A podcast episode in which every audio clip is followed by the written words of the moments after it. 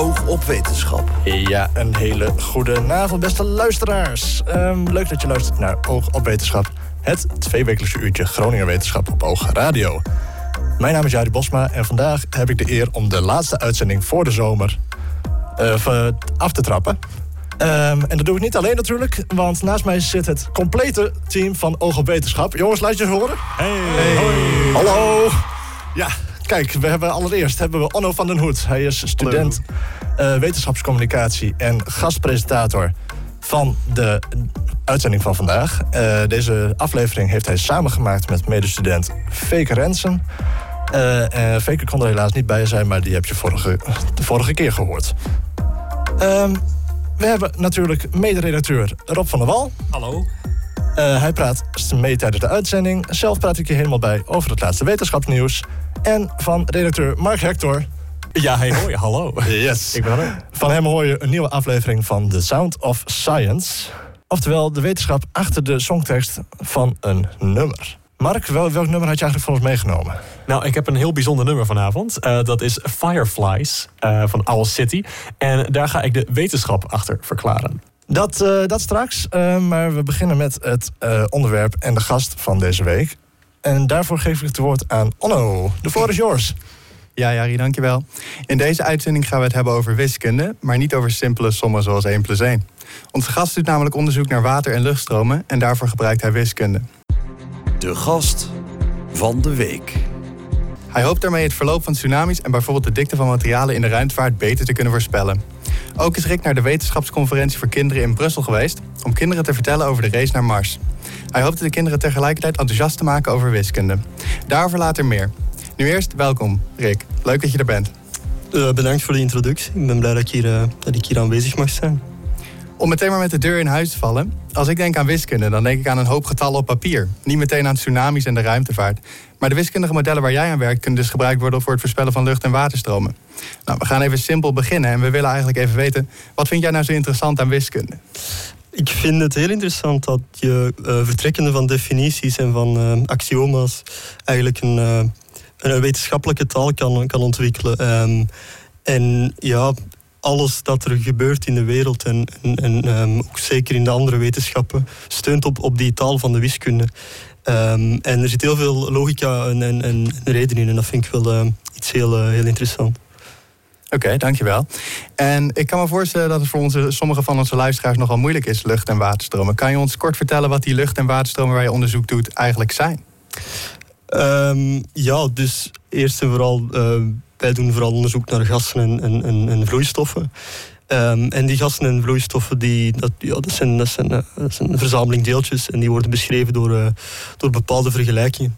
Um, en, en waar dat wij mee werken, dat zijn dan eigenlijk die vergelijkingen die, dat die uh, water en, die, en, en het water en de, de atmosfeerstromingen beschrijven.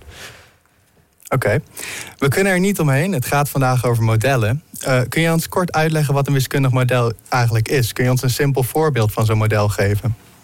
Um, het, het simpel voorbeeld is een, een, goede vraag. Ik weet niet of er uh, simpele voorbeelden zijn van, van wiskundige modellen, maar wat je altijd doet als je um, een, een, fysisch probleem wilt oplossen, zoals het, uh, het voorspellen van het verloop van tsunamis, dat is, je vertrekt van, van fysische principes. Um, en dan gaan wij die fysische principes gebruiken om daar een model van te maken. En een, en een um, ja, het is moeilijk om een voorbeeld van, van zo'n van zo'n model nu onmiddellijk te geven. Uh, maar je moet altijd beginnen van de, van de fysische principes. Ah, Oké, okay. en die fysische principes, dat zijn voor de meeste mensen, uh, luisteraars van ons, bekend als de natuurkundige principes, neem ik aan. Inderdaad, dingen zoals uh, druk en, um, en, en, en, en, frictie en dat soort dingen. Ja, dankjewel. En um, hoe ingewikkeld zien die modellen waar jij eraan werkt nou eigenlijk ongeveer uit? Um, ja, ik ben er natuurlijk al een hele tijd mee bezig, dus voor mij zien ze er niet bijzonder ingewikkeld uit. Het, ze zien er soms heel groot uit en je ziet heel veel vergelijkingen soms. Uh, maar het is belangrijk om te onthouden dat, dat uh, uh, in de wiskunde alle dingen logisch op elkaar volgen. Dus dat het, dat het op zich niet zo heel moeilijk is om te begrijpen waar die vergelijkingen vandaan komen, zolang dat je maar de definities en de, de, de juiste stellingen gebruikt. Oké, dat klinkt voor mij toch nog wel enigszins ingewikkeld. probeer jij die modellen dan ook simpeler te maken? Um, dat gebeurt vooral omdat uh, hoe moeilijker het model vaak, hoe moeilijker dat de analyse van het model is. Um, ook als wij willen communiceren naar andere uh, wetenschapstakken, ehm, dan, dan, dan, willen we natuurlijk dat we ons kunnen uitleggen wat dat we hebben gedaan. Ehm, op een zo, um, ja, zo eenvoudig mogelijke manier. Dus op, in dat opzicht proberen we inderdaad willen om onze modellen zo eenvoudig mogelijk te maken. Maar we willen ook natuurlijk dat ze ja, de realiteit een beetje nabootsen. En daarvoor is het soms moeilijk om, om veel vereenvoudigingen te doen. Precies. En wat gebeurt er nou eigenlijk als je die modellen simpeler maakt? Dan verlies je nauwkeurigheid als je echt uh, te veel vereenvoudigingen gaat doen. En, en, en dan, um, dat is een beetje um, ja, een, een, een, contradictie met dat wat wij eigenlijk willen. Hè. We willen uh, die, dat die modellen zo nauwkeurig mogelijk de, de realiteit beschrijven. Ja, dus het is eigenlijk een kunst om te zorgen dat het model zo simpel mogelijk wordt, maar ook nog goed past bij de realiteit. Exact, dat is, uh, dat is de kunst. Oké. En hoe lang worden deze wiskundige modellen al gebruikt om uh, lucht- en waterstromen te voorspellen? Ja, um, ik denk dat er al heel lang um, zo'n modellen uh, gebruikt worden en bestudeerd worden. Maar de modellen die wij specifiek bekijken, denk dat die, zijn, heel recent. Um, ik zou zeggen van 2017, 2018. dat is wanneer dat, dat, die modellen die wij nu bestuderen en die wij proberen uitbreiden, voor het eerst uh, ja, in, de, in de literatuur beschreven zijn. Oké, en had men vroeger problemen met die modellen? Was het vroeger moeilijker? Um, ja, natuurlijk. Anders uh, zouden we er niet op proberen verder, verder bouwen. Um, ik denk dat er heel weinig modellen zijn die dat, die dat geen problemen hebben. En, en, en, wat dat we in de wiskunde dan altijd proberen, en in andere wetenschapstakken ook natuurlijk, is om, um, om daarop voort te bouwen en de, de problemen die dat de modellen hebben, om die aan te pakken en om zo nauwkeuriger en betere modellen te, te bekomen. Precies, ja. En waarom vinden jij en je collega's het nou zo belangrijk om lucht- en waterstromen te kunnen voorspellen? Ja, ik, ik denk dat het um, belangrijk is omdat, ten eerste omdat, neem nu het voorbeeld van een tsunami, dat is iets dat um, een enorme impact kan hebben. En, en um, hoe, hoe beter dat we kunnen inschatten wat de, uh, de impact van zo'n tsunami gaat zijn, hoe beter dat we kunnen ingrijpen. En, en, en dat kan alleen maar voordelen hebben. Oké. Okay. Uh, zometeen gaan we het nog hebben over hoe dat nou precies werkt. Een wiskundig model gebruiken om bijvoorbeeld een tsunami te voorspellen. Maar nu eerst gaan we luisteren. Wetenschapsnieuws. Naar het opvallende nieuws uit de wetenschap. Jari, jij hebt niet alleen nieuws, maar ook wat zomerse wetenschap-evenementen voor ons uitgepland, toch? Dat klopt, Anno, dankjewel. Um, ik uh, heb inderdaad mijn best gedaan om uh, wat hoogtepunten voor de agenda te verzamelen. Daarover straks eerst nog een stukje nieuws. En dan begin ik eventjes met... Uh, komende zaterdag is het namelijk Katie Kotti. Oftewel de dag waarop Nederland 160 jaar geleden besloot de slavernij af te schaffen. Daarom leek het me een goed idee om dit nieuwtje nog even mee te nemen. het blijkt namelijk dat ook de stad Groningen veel geld heeft verdiend aan de handel in tot slaafgemaakten en aan de handelswaar uit koloniën. Dat concluderen de onderzoekers van de Rijksuniversiteit en het Groninger Museum. Zij hebben in opdracht van de gemeente Groningen het slavernijverleden van de stad bestudeerd. Betreffende Groningers werden in de tijd van de VOC rijk uh, in Azië uh, en het Amerikaanse continent en gebruikten die rijkdommen dan om hun positie te verbeteren. Voorname Groningse families bezaten tientallen slaven en die werkten naar verluid als kok, hovenier en koetsier. Maar daarnaast ook uh, moesten ze het zware werk opknappen. De Groningers hielpen elkaar door een eigen netwerk binnen de VOC op te zetten. En dit netwerk gebruikten ze dan om ook hun eigen positie in de thuisstad te verbeteren. Media benadrukten dat het hier gaat om voorlopige bevindingen. Het uh, volledige onderzoek naar het uh, slavernijverleden van Groningen moet later dit jaar gepubliceerd worden. En ondertussen lopen er, in andere steden ook van dit soort onderzoeken en betuigen meer en meer uh, steden hun spijt voor hun rol in de slavernij. Um, dan gaan we nu over op de agendapunten. In juli lijkt er een soort zomerstop te zijn voor uh, de evenementen. Maar voor augustus heb ik een paar interessante dingen kunnen vinden. We beginnen met een interessante Studium Generale lezing op vrijdag 18 augustus tijdens Noorderzon. In het theatercollege Verward door je brein duikt neuropsycholoog André Aleman in de werking en de beïnvloedbaarheid van ons brein. Aan de hand van de voorbeelden uit hersenonderzoek zal hij tien misvattingen over de welbekende grijze massa weerleggen. Hiervoor zal hij proberen een aantal vragen te beantwoorden. Vragen zoals: is het nou echt zo dat een kind veel makkelijker leert dan een volwassene? Of ga je door gamen beter of slechter nadenken? Het brein blijft natuurlijk een van de meest uh, mysterieuze organen van de mens. Gelukkig staat de wetenschap niet stil en volgen nieuwe inzichten op dit gebied elkaar in rap tempo op. En we blijven nog even bij Studium Generale en op Noorderzon. Want ook op uh, maandag 21 augustus is er een interessante theaterlezing. Um, historicus en geurexpert Caro Verbeek neemt je daarmee op een reis door de tijd aan de hand van vervlogen geuren. Dit doet ze met behulp van een heuse geurshow door aroma jockey, niet disc jockey, maar aroma jockey, Sandman. Geuren kunnen bijzonder veel invloed hebben op hoe we ons voelen en gedragen. Eh, je herkent vast wel zo'n nostalgisch gevoel dat je krijgt bij een bepaalde geur. Een vleugje sigarenrook doet je misschien denken aan die ene opa of oom die rookte. En de geur van de zee zorgt er misschien wel voor dat je jezelf weer in een duinpand ziet vrijen met je grote liefde. Oh ja, ja.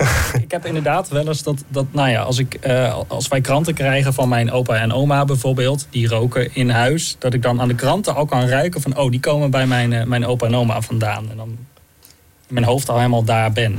Oh, ik, ik, dacht even dat je iets ging zeggen over wat je in een duinpan had gedaan, maar dat valt ja, mee. Dat dacht ik dus ook even, Rob. Uh, bedankt. Oké, okay, lekker. Ja. Uh, maar goed, laat je verwonderen door de lezing van Karel Verbeek... en uh, kom erachter of je het verleden nog kunt ruiken. Uh, welke geuren verdwenen zijn en wat typisch Groningse geuren zijn. Meer informatie over beide lezingen is te vinden op de website van Studium Generale... en op de website van Noorderzon.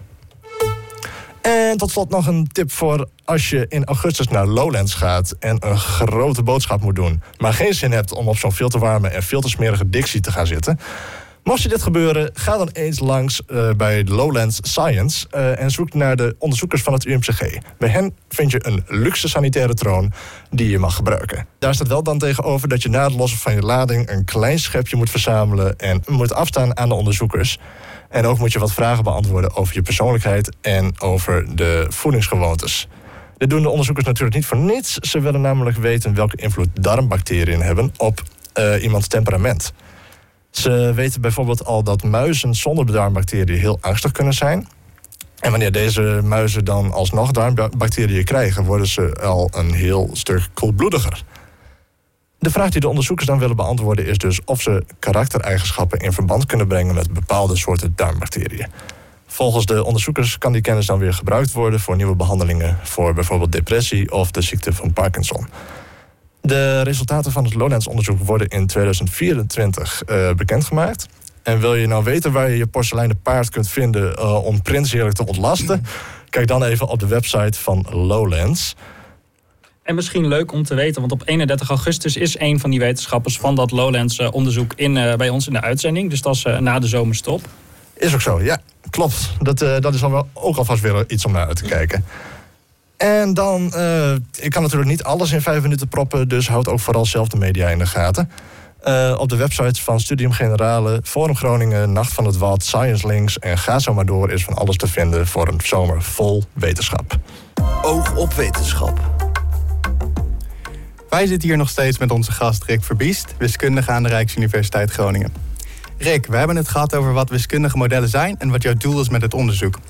Jij doet onderzoek naar modellen voor lucht- en waterstromen en dan kijk je onder andere naar tsunamis. Waarom kijk je in het onderzoek naar tsunamis? Hoe kom je van lucht- en waterstromen toevallig bij tsunamis terecht? Um, ja, tsunamis zijn natuurlijk een, een, voorbeeld van een, van een waterstroming, meer bepaald van een oceaanstroming. Uh, en dus zo kom je daar terecht. Oké, en heb je verder nog persoonlijke interesse in tsunamis? Of is het gewoon puur omdat het goed past bij je onderzoek? Ik ben zelf heel geïnteresseerd in het weer en het klimaat. En um, ja, dat wordt natuurlijk voor een groot deel bepaald ook door, uh, door oceaanstromingen. Um, dus dat sluit zeker ook wel aan bij mijn, uh, bij mijn persoonlijke interesses. Oké.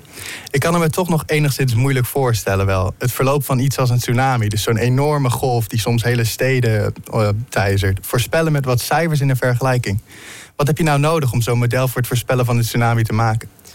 Dus opnieuw, we beginnen van de fysische principes, de wetten van de natuurkunde. Um, en op basis daarvan zijn er heel uh, intelligente mensen geweest die daar uh, vergelijkingen voor hebben opgesteld voor hoe dat um, oceaanstromingen, hoe dat die beschreven kunnen worden. En uh, het is de, wat wij nu proberen is die, is die vergelijkingen benaderend op te lossen. En um, dat doen we dan door het, door het, uh, ja, door het ontwikkelen van, van modellen die dat, uh, die dat dit doen voor ons. Oké, en die vergelijkingen, dan heb je zo'n vergelijking, maar daar moet je denk ik wel iets invullen. Wat vul je daar dan in in?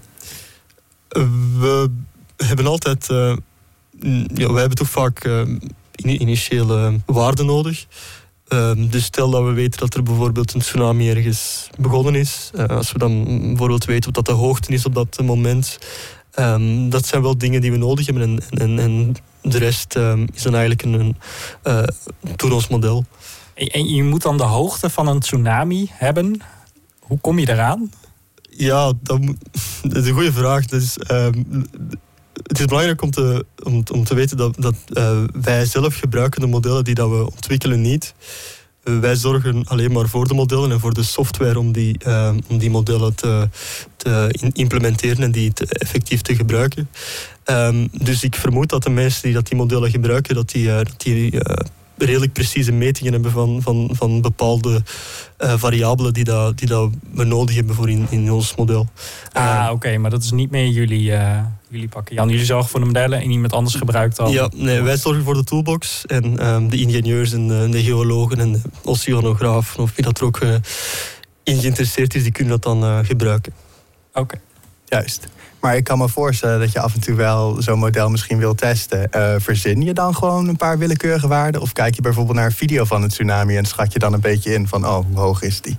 Nee, exact. We verzinnen gewoon. Uh, op dit moment, het onderzoek dat ik heb gedaan, daar hebben we gewoon um, waarden in verzonnen. Um, nu, je kan er in principe um, insteken wat je wilt in, in, in, in dat model.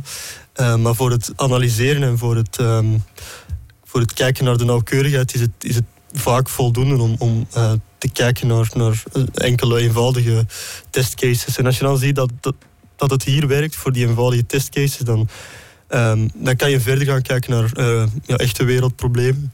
Um, en werkt het niet voor die simpele testcases, dan, uh, ja, dan moet je nog wat verder sleutelen aan je model. Precies. En als je alle benodigdheden voor zo'n model dan hebt, hoe werkt het dan? Stop je al die getallen en die natuurkundige principes in het model en dan krijg je uit wat je wil weten? Hoe vind je de volgende waarde in het model? Ja, dit, uh, ik, ga, ik zal niet te veel in detail treden, want dit is, uh, hoe dat, dat allemaal gebeurt, dat is uh, heel wiskundig. Um, maar wij, de modellen die dat wij hebben, hoe dat we, die, we willen die dan... Um, ja, ik heb je verteld dat we die benaderend willen oplossen. En we doen dat door een... Um, ja, we hebben een initiële waarde en dan gaan we die uh, simuleren voor een aantal... Uh, ja, of dat kan dan kiezen, maar vaak zijn dat dan milliseconden. Uh, simuleren we die dan en dat doen we dan een, een, een aantal keer, hoe vaak je wilt, tot op een bepaalde eindtijd, bijvoorbeeld 10 minuten of zo. En het enige wat we in elke tijdstap gebruiken, dat zijn de waarden die dat we op dat moment hebben. Dus um, ja, het is eigenlijk een algoritme. Dus je zegt gewoon, je hebt een model, je hebt een um, initiële waarde en dan uh, zeg je van oké, um, dit is de waarde en dan bereken de volgende waarde mm, bij, met het gebruik van de waarden die we hebben. en alle waarden die, die ik hier uh, vermeld, dat zijn benaderingen eigenlijk die, dat we, uh, die dat we hebben op bepaalde tijdstippen. Juist. En hoe ver is de wetenschap nu eigenlijk met het ontwikkelen van een model voor bijvoorbeeld een tsunami? Moet daar nog heel veel aan gebeuren of zijn we heel dichtbij? Um, er, is natuurlijk altijd ruimte voor verbetering. En ik denk dat, uh, dat we op zich al, al, al redelijk efficiënte en redelijk nauwkeurige modellen hebben. Maar het is altijd. We leven in een wereld waar heel veel data wordt gebruikt. En we willen dat die modellen zo efficiënt mogelijk worden um, worden gebruikt. Hè. Dus um, dat als we, die, als we iets willen simuleren, dat dat, dat redelijk snel gebeurt. En ik denk dat daarin nog veel, nog veel um, verbetering is. Want de modellen die er waren vroeger, die waren vaak heel, com, heel computerintensief. Dus daar had je veel um, computerkracht voor nodig. En we willen natuurlijk alles zo efficiënt mogelijk maken nu, omdat er heel veel data is. Dus ik denk dat daar nog wel veel verbetering is. Maar het probleem is door uh, modellen minder computerintensief te maken, riskeer je om ze minder efficiënt te maken. En dat is waar dat wij een beetje... Um, dit, ja, het is een trade-off en daar proberen wij een beetje de balans, uh, de juiste balans in te vinden.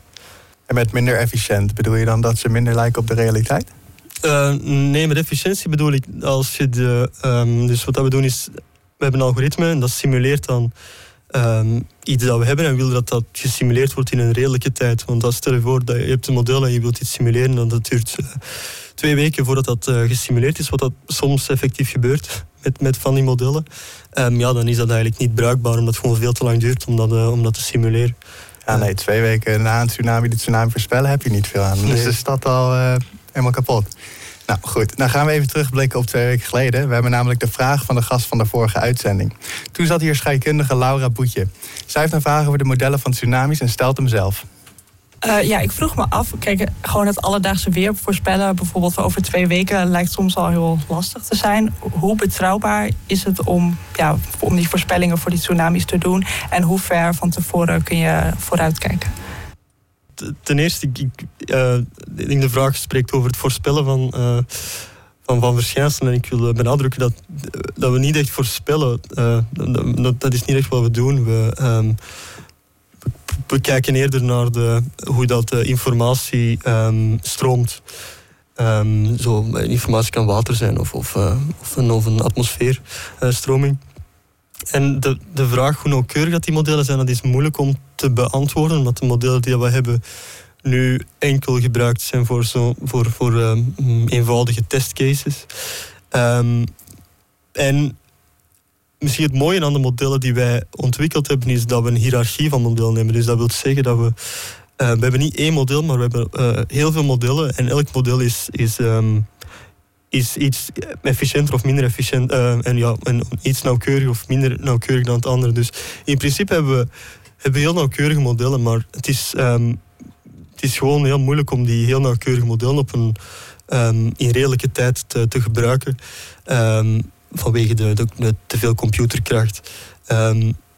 dus ja, het, hangt er een beetje vanaf wat, wat je wilt. Als je iets heel nauwkeurig wilt, dan kan je ja, als je dan heel veel vooruit wilt kijken naar hoe dat die informatie um, stroomt, dan denk ik niet dat dat mogelijk is met, uh, met een eenvoudige computer. Um, nu, dus wat wij nu proberen doen is om dat toch um, om een mooie balans te vinden, zodat je toch een redelijk nauwkeurig model hebt. dat ook op, een, op een eenvoudige computer of, op, een, op, een supercomputer kan gesimuleerd worden. Oké, dus je voorspelt eigenlijk geen tsunamis, maar je voorspelt wel het verloop van tsunamis. In dat geval kunnen we dit soort modellen eventueel wel gebruiken om later eventueel mensenlevens te redden door bijvoorbeeld de evacuatie sneller te laten gaan. Um, ja, dat, ja, dat is natuurlijk wel een, aantal stappen verder nog. Wij, wij ontwikkelen de modellen, maar ik ben er zeker van dat, er, um, dat, er, um, dat de mensen die, dat, als die deze modellen kunnen gebruiken en, en als deze modellen tonen dat ze de, uh, de realiteit nauwkeurig kunnen voorstellen, dan uh, dat we sneller kunnen ingrijpen en dat we een beter idee hebben van hoe dat een tsunami, uh, wat de impact van een tsunami zal zijn. En um, ja, ik denk dat dit wel zeker veel, veel schade kan, kan voorkomen dan. Oké, dat klinkt inderdaad hoopvol. hoe snel denk jij dat jouw modellen ongeveer gebruikt kunnen gaan worden? Ja, dat is een goede vraag. Ik, uh, wij hebben een aantal modellen die klaar zijn nu, waar dat we um, eenvoudige, simpele uh, testen mee aan het doen zijn. Um, maar ja, het, het, hangt natuurlijk altijd af van, uh, van de mensen die dat eventueel willen gebruiken. We hebben dat nu gepubliceerd en proberen nu te publiceren, beter gezegd. en dan is het, ja, dus wachten nu tot andere mensen zien wat dat we gedaan hebben. Um, maar ik denk dat dat, uh, dat nog wel een, een, beetje werk aan is. Aan, want het is ook nog heel recent dat, dat de modellen die we hebben, dat die uh, ontwikkeld zijn. Dus uh, ik denk dat er zeker nog, nog progressie mogelijk is. Maar er staan dus eventueel wel al een paar modellen klaar om gebruikt te worden. Als iemand ermee aan de slag wil.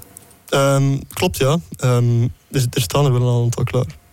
Oké, okay. ja, het klinkt als best wel veel werk. Kost het je nou veel tijd om zo'n model te ontwikkelen helemaal? Ja, toch wel. Er komt veel bij kijken. Er zijn heel veel. Ja, de wiskunde erachter is, is, is, um, is, redelijk complex. En er kan heel veel misgaan als je zoiets simuleert. En dus het, het, afleiden van de modellen is één ding. Dan het analyseren is het tweede, wat dat ook al veel tijd uh, kost. En dan misschien nog wel het meest uh, tijdintensieve, dat is het, ehm, het, het, het, schrijven van software hiervoor. Dus ehm, je hebt dit model maar je wilt natuurlijk dat die andere mensen het kunnen gebruiken. En het schrijven van de software hierin is, ehm, is belangrijk. En ehm, er kan heel veel misgaan. En het is vaak heel frustrerend. Ik de luisteraars die zelf regelmatig programmeren, die zullen um, dit wel herkennen. Maar er, gaat altijd heel veel mis als je iets probeert te implementeren. Dus dat is, dat is nog het, het, het, meest, uh, het moeilijkste van allemaal. En dan hoop je dat, dat je kan zien dat je model werkt. Um, maar dat gaat ook vaak niet van de eerste keer. Dus met vallen en opstaan. En, en het, duurt, het duurt wel even, even voor, uh, voor alles werkt. Het stereotype is toch ook dat, dat het nooit in één keer werkt. En dat als het, als het een keer werkt, dat je er vanaf moet blijven. Uh, het klopt. En, en, vaak werkt het ook, maar weet je niet waarom het werkt. Um, dus ja, het is, uh, soms is het echt een miserie om, om, om, om die code te schrijven. Ja, precies. Nou, ik hoor het. Programmeurs, ik leef met jullie mee. Hoe ziet een gemiddelde werkdag er voor jou ongeveer uit? Ben je veel aan het berekenen of doe je ook heel veel andere dingen? Um, ja, ik, um, ik analyseer veel de modellen die we hebben. Uh, om te zien, um, ja, er zijn een aantal wiskundige eigenschappen die dat wij graag zouden terugzien in ons model. Bijvoorbeeld, we willen aan onze modellen tonen dat, er, uh, dat de, de golven ja, trager zijn dan de snelheid van het licht. Uh, het klinkt vanzelfsprekend, maar in veel van die modellen is dat niet het geval. Um, dus dat is iets dat ik uh, vaak doe. Uh, en dan voor de rest het, het programmeren um, hoort er ook wel bijna dagelijks bij.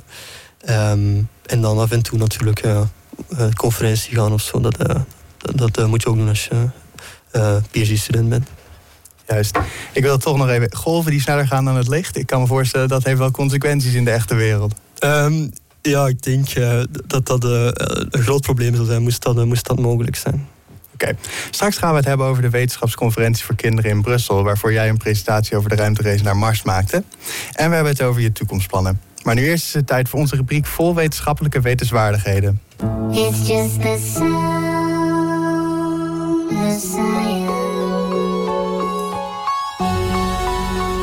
Soms hoor je een songtekst en dan denk je, huh, waar gaat dit over? Of zelfs, dat kan toch helemaal niet? In The Sound of Science bespreken we elke week de wetenschap achter een liedje. Vandaag bespreekt redacteur Mark maar liefst 10 miljoen kleine lichtjes in een bekende hit van Owl City. You would not believe your eyes if 10 million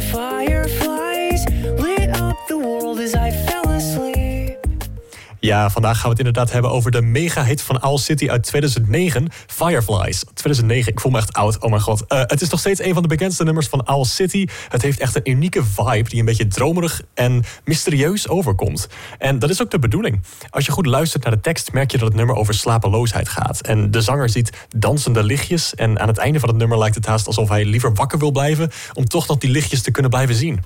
Maar wat ik me nou afvraag, hij zingt over 10 miljoen vuurvliegjes. En kan het licht van 10 miljoen vuurvliegjes je echt uit je slaap houden? Want het zijn zulke kleine mini-beestjes. Van al had je een hele kamer vol. Zou het licht van die kleine beestjes echt zoveel uitmaken als je een dutje wil doen?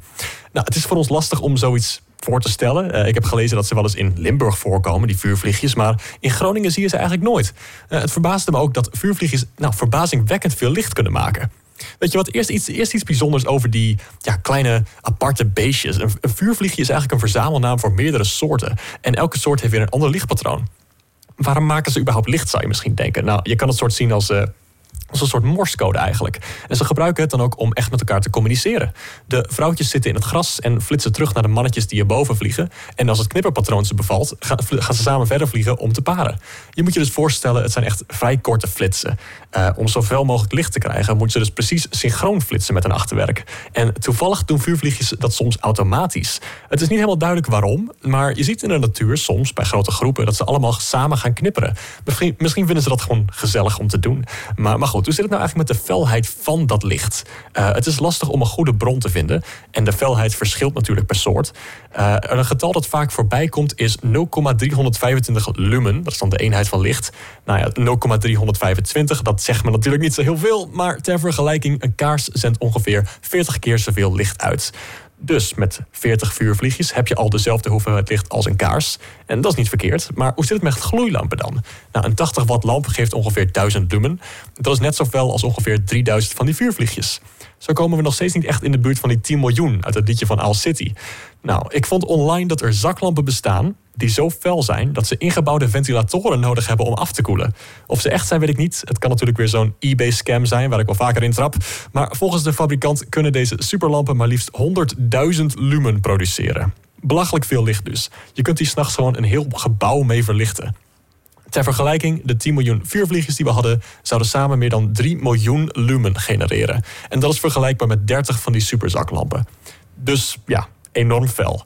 Zeker weten dat je niet kan slapen als er zoveel licht in je kamer is. Nou ja, maar en als er zoveel licht is en zoveel vliegjes, dan denk ik echt, wel echt dat ik een vliegenmapper wil pakken. Want zoveel vliegjes, daar kan ik niet aan. Nou, je bent geen natuurvriend. Dat, dat, ach, jeetje. Nou, dat stel me toch teleur. De insecten best, maar zoveel tegelijk? nou goed. Weet je wat? Eh, laten we, laten we voor de grap nog even een stapje verder kijken. Want er is nog één andere lichtbron die we zijn vergeten. Die nog veel meer licht produceert dan een zaklamp. Uh, de zon. En dat licht van de zon dat schiet alle kanten op door de hele ruimte heen. Dus lang niet alles komt op aarde aan. Maar in totaal produceert de zon zo'n 36.200 triljoen triljoen lumens. En voor de verandering stotterde ik niet. Dat was twee keer triljoen. Je hebt dan ook triljoenen vuurvliegjes nodig om datzelfde licht te produceren. En dat is iets meer dan in dat liedje van Al City dus, helaas. Ik, kan, ik kan hier eindeloos over doorkletsen. Uh, we hebben het nog niet eens gehad over de verspreiding van licht bijvoorbeeld. Want als al die vuurvliegjes een andere kant op wijzen... dan schiet het licht ook alle kanten op. Je moet die beestjes dus heel precies met een pincet in een formatie plaatsen... waarbij hun achterwerk één kant op wijst... zodat het licht zo fel mogelijk wordt. Niet dat iemand dit ooit gaat doen, maar voor die ene luisteraar die al klaar staat met een vlindernetje om naar buiten te stormen en 10 miljoen vuurvliegjes te vangen, deze tip was voor jou. En niet met de vliegenmapper. Niet met de vliegenmapper. Alsjeblieft niet.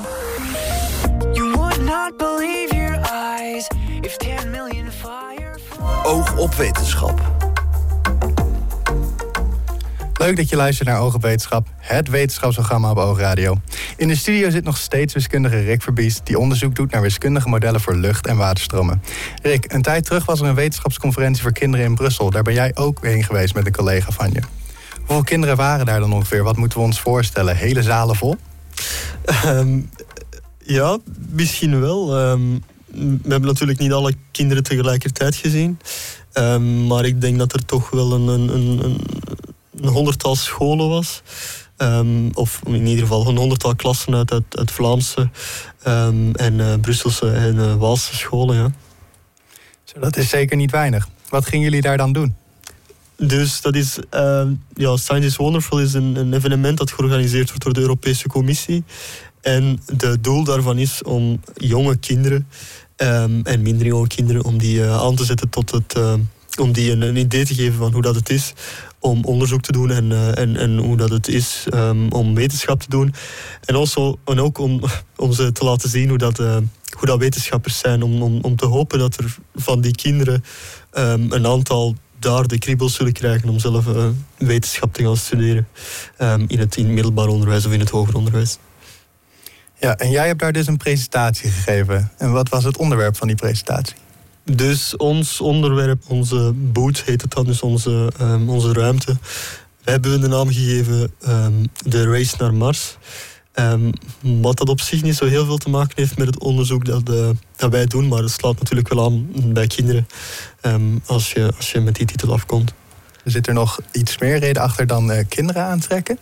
Um, nee, het, is, er, komt natuurlijk ook heel veel wiskunde bij kijken. En, en, en um, natuurlijk de race van Mars, daar komen heel veel dingen bij kijken om, om een, een, een ruimtevaart te ontwikkelen om mensen naar, eh, naar Mars te sturen.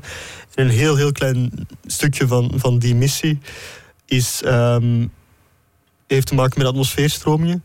En ja, zoals je al een aantal keer hebt vermeld, um, een deel van mijn onderzoek, een deel van ons onderzoek, is om, om, om modellen te ontwikkelen voor atmosfeerstromingen. Um, en, en dus dat een heel, heel klein deeltje van de race naar Mars is iets um, dat wij bestuderen. Maar uh, slechts een heel, heel klein deeltje. Wel een belangrijk deeltje? Uh, elk deeltje is, is heel belangrijk. Um, het is een hele grote puzzel met, uh, met heel veel puzzelstukjes. En als je, je hebt al die puzzelstukjes nodig om, om, om, uh, om een succesvolle ruimtemissie op te starten. Um, dus ja, zeker een belangrijk deel. Juist. En hoe heb je het persoonlijk ervaren? Vond je het spannend? Leuk? Het is een bijzondere ervaring. Het was heel lang geleden dat ik uh, Frans heb gesproken. Um, en dat heb ik daarvoor uh, voor het eerst in lange tijd moeten doen. Maar um, ja, het is altijd leuk om te zien hoe enthousiast sommige kinderen zijn. En, en um, ja, natuurlijk waren er ook minder enthousiast, enthousiaste kinderen bij. Maar het, is, het is wel leuk om, om, om kinderen te motiveren. en om kinderen te tonen hoe dat het is om, om, uh, om, om, al wetenschap te doen. En dan het toch proberen een beetje ehm, een idee te geven van, van waar dat hun eigen interesses liggen. En dat, eh, ik denk dat het wel belangrijk is om daar op jonge leeftijd toch al mee bezig te zijn. En ik ben blij dat ik daar een beetje mee heb kunnen helpen. Ja, en zo- zo'n praatje. Zit er veel verschil tussen een praatje zoals eh, deze op de conferentie en het werk wat je normaal doet? Moet je erg op het niveau van je taal letten bijvoorbeeld? Ehm, ja, tuurlijk. Ehm, op taal is, is inderdaad, dat, eh, dat moet je altijd doen. En het is verleidelijk om heel gedetailleerd over je onderzoek te gaan praten, omdat je dat zelf interessant vindt, maar dat mag je absoluut niet doen. Je bent bezig met te- tegen mensen die dat er heel weinig van weten, van, van, van eh, wat dat jij doet, maar niet alleen van, wat dat jij doet, maar ook van wat dat wiskunde is.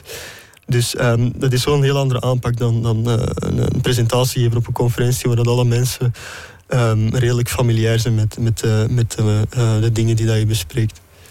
En Onno, je moet natuurlijk niet vergeten, de, de, de, mak- de makkelijke uitleg, dat, dat, dat is waar wij voor zijn, hè? de wetenschapscommunicatiemensen. Ja, precies. Ja, daar doe ik eh, studie voor natuurlijk. Jazeker. Ja, jij hebt het ons al laten weten. De kinderen vonden het eh, over het algemeen heel leuk en ze waren erg enthousiast. Hoe weet je nou eigenlijk dat de kinderen het interessant vonden? Ja, wanneer dat ze vragen beginnen stellen, ehm, denk ik dat, dat je dat daaraan kan merken. En we hebben heel veel vragen gekregen eh, wanneer dat ze er waren. Dus ik denk ehm, ehm, ik- dat je het wel kon zien dat ze het interessant vonden. En ik had ook het gevoel dat eh, we redelijk populair waren onder de kinderen, want ze konden zelf kiezen naar waar ze gingen. En ik, we hebben heel veel bezoekers gehad, dus ik denk dat, dat, dat de kinderen wel eh, geïnteresseerd waren in, in, onze, in ons onderwerp. Dat snap ik ook wel. Ik was vroeger ook erg fan van raketten. En waarom vind je het nou eigenlijk belangrijk om dit soort conferenties aanwezig te zijn? Ja, eh, we willen toch een beetje ehm, scientific outreach eh, hebben, zoals dat, zoals dat ze dat noemen. Ehm, eerst en vooral om zelf met andere wetenschappers in contact te komen. Je weet nooit eh, ehm, of dat je in interessante collaboraties kan, kan smeden met de mensen die je daar ontmoet. En ook, ja, het is, het is, zoals ik al heb gezegd, het is belangrijk om, ehm, zeker in een onderwerp als de wiskunde, om te laten zien dat dat eigenlijk niet zo heel saai is. Dat je er heel veel dingen mee kan doen. Eh, want dat is toch nog iets dat, leeft bij de jeugd. En dat is dat wiskunde saai is. En wiskunde dat is integralen oplossen. En vergelijkingen oplossen. Maar er komen heel veel andere dingen bij kijken. En, wiskunde wordt gebruikt om heel interessante problemen op te lossen. En, en vaak kijken kijk, eh, eh, kinderen zich, eh, zich een beetje blind op, eh, op wat dat zij eh, ja, saaie wiskunde vinden. En kunnen ze de, de toepassingen niet zien. Dus eh, wij proberen een aantal eh, interessante toepassingen eh, toe te lichten. Het klinkt in ieder geval alsof je het wel naar je zin hebt gehad. Dan nog een paar vragen over de toekomst. Als je modellen helemaal klaar zijn en werken, wat is dan de volgende stap? dan is mijn job gedaan. Ehm, dus ik, ik, ik maak de modellen, ik probeer ze zo goed mogelijk te maken, zo efficiënt mogelijk en zo nauwkeurig mogelijk, om daar een goede balans in te vinden. Ehm, en dan is het aan, aan andere mensen om die te gaan gebruiken, aan de ingenieurs, aan de oceanologen of aan de oceanografen, of hoe je dat ook noemt. Ehm, maar dan is, ja, dan, dan zit onze job erop als we de modellen hebben gemaakt en de software hebben ontwikkeld. Ehm, dan is het dan eh, eh, aan, die, aan de specialisten om, eh, om ze te gaan gebruiken. Oké.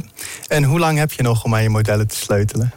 Ik zit nog maar in het eerste jaar van mijn PhD, dus ik heb zo nog zeker drie jaar dat, ik, dat ik daaraan kan werken. Maar eh, het, het wil niet zeggen dat het daar stopt. Maar ik heb nog, eh, nog minstens drie jaar, Oké, dat klinkt alsof je in ieder geval nog wat tijd hebt om eraan te werken. inderdaad. Ga je in de zomervakantie nog iets interessants doen?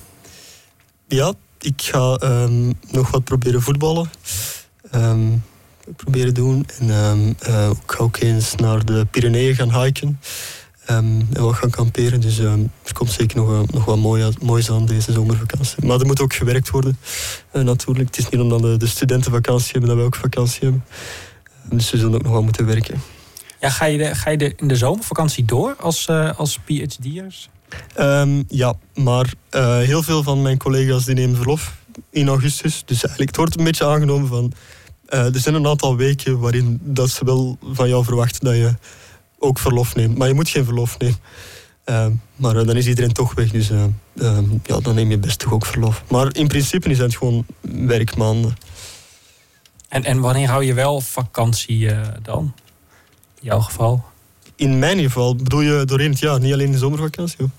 Ja. Ja, we hebben gewoon de, de, de normale feestdagen.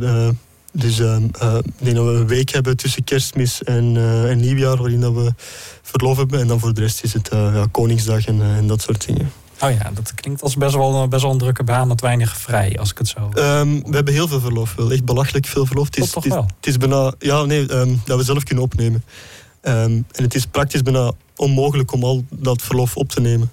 Dus aan, aan verlofdagen heb je zeker geen tekort als je een PhD doet. Oké, nou, goede reclame voor een eh, PhD. Inderdaad. Nou, het klinkt in ieder geval alsof je een sportieve zomer tegemoet gaat. Misschien maakt dat het stilzitten en werken aan modellen weer een beetje goed. Voor nu, Rick Verbiest, wiskundige en onderzoeker in wiskundige modellen voor lucht- en waterstroom aan de Rijksuniversiteit Groningen. Hartelijk dank dat je in deze laatste aflevering voor de zomervakantie bij ons wilde aanschuiven. De volgende uitzending is over twee maanden op 31 augustus. Dan is neurowetenschapper Toon Scheuring te gast. Hij doet onderzoek naar de relatie tussen je persoonlijkheid en samenstelling van bacteriën in je darmen. Om dat te onderzoeken laat hij deze zomer mensen poepen voor de wetenschap op het festival Lowlands. Rick, de beurt is nog aan jou om een vraag te stellen aan Toon. Welke vraag heb jij voor hem? Mijn vraag is eh, een beetje wiskunde gerelateerd. Dus ehm, welke statistische methode gebruik je dan om die persoonlijkheidstrekken en de, en de, de, de bacteriën in de stoelgang of, eh, aan elkaar te linken? Oké, die vraag gaan we na de zomer aan hem stellen. Oog op wetenschap. En daarmee zijn we alweer aan het einde gekomen van deze aflevering. Oog op wetenschap hoor je zoals gezegd na de zomervakantie op 31 augustus weer. Ondertussen zijn alle eerdere uitzendingen van Oog op wetenschap terug te luisteren op Spotify. We zijn trouwens ook heel benieuwd naar wat je van Oog op wetenschap vindt. Heb jij een opmerking, vraag of misschien wel een suggestie voor een leuke gast? Laat het ons even weten via Facebook of Instagram. En volg ons ook meteen, dan blijf je op de hoogte van onze volgende uitzendingen en weer de nieuwste aflevering op Spotify staat. Tot eind augustus.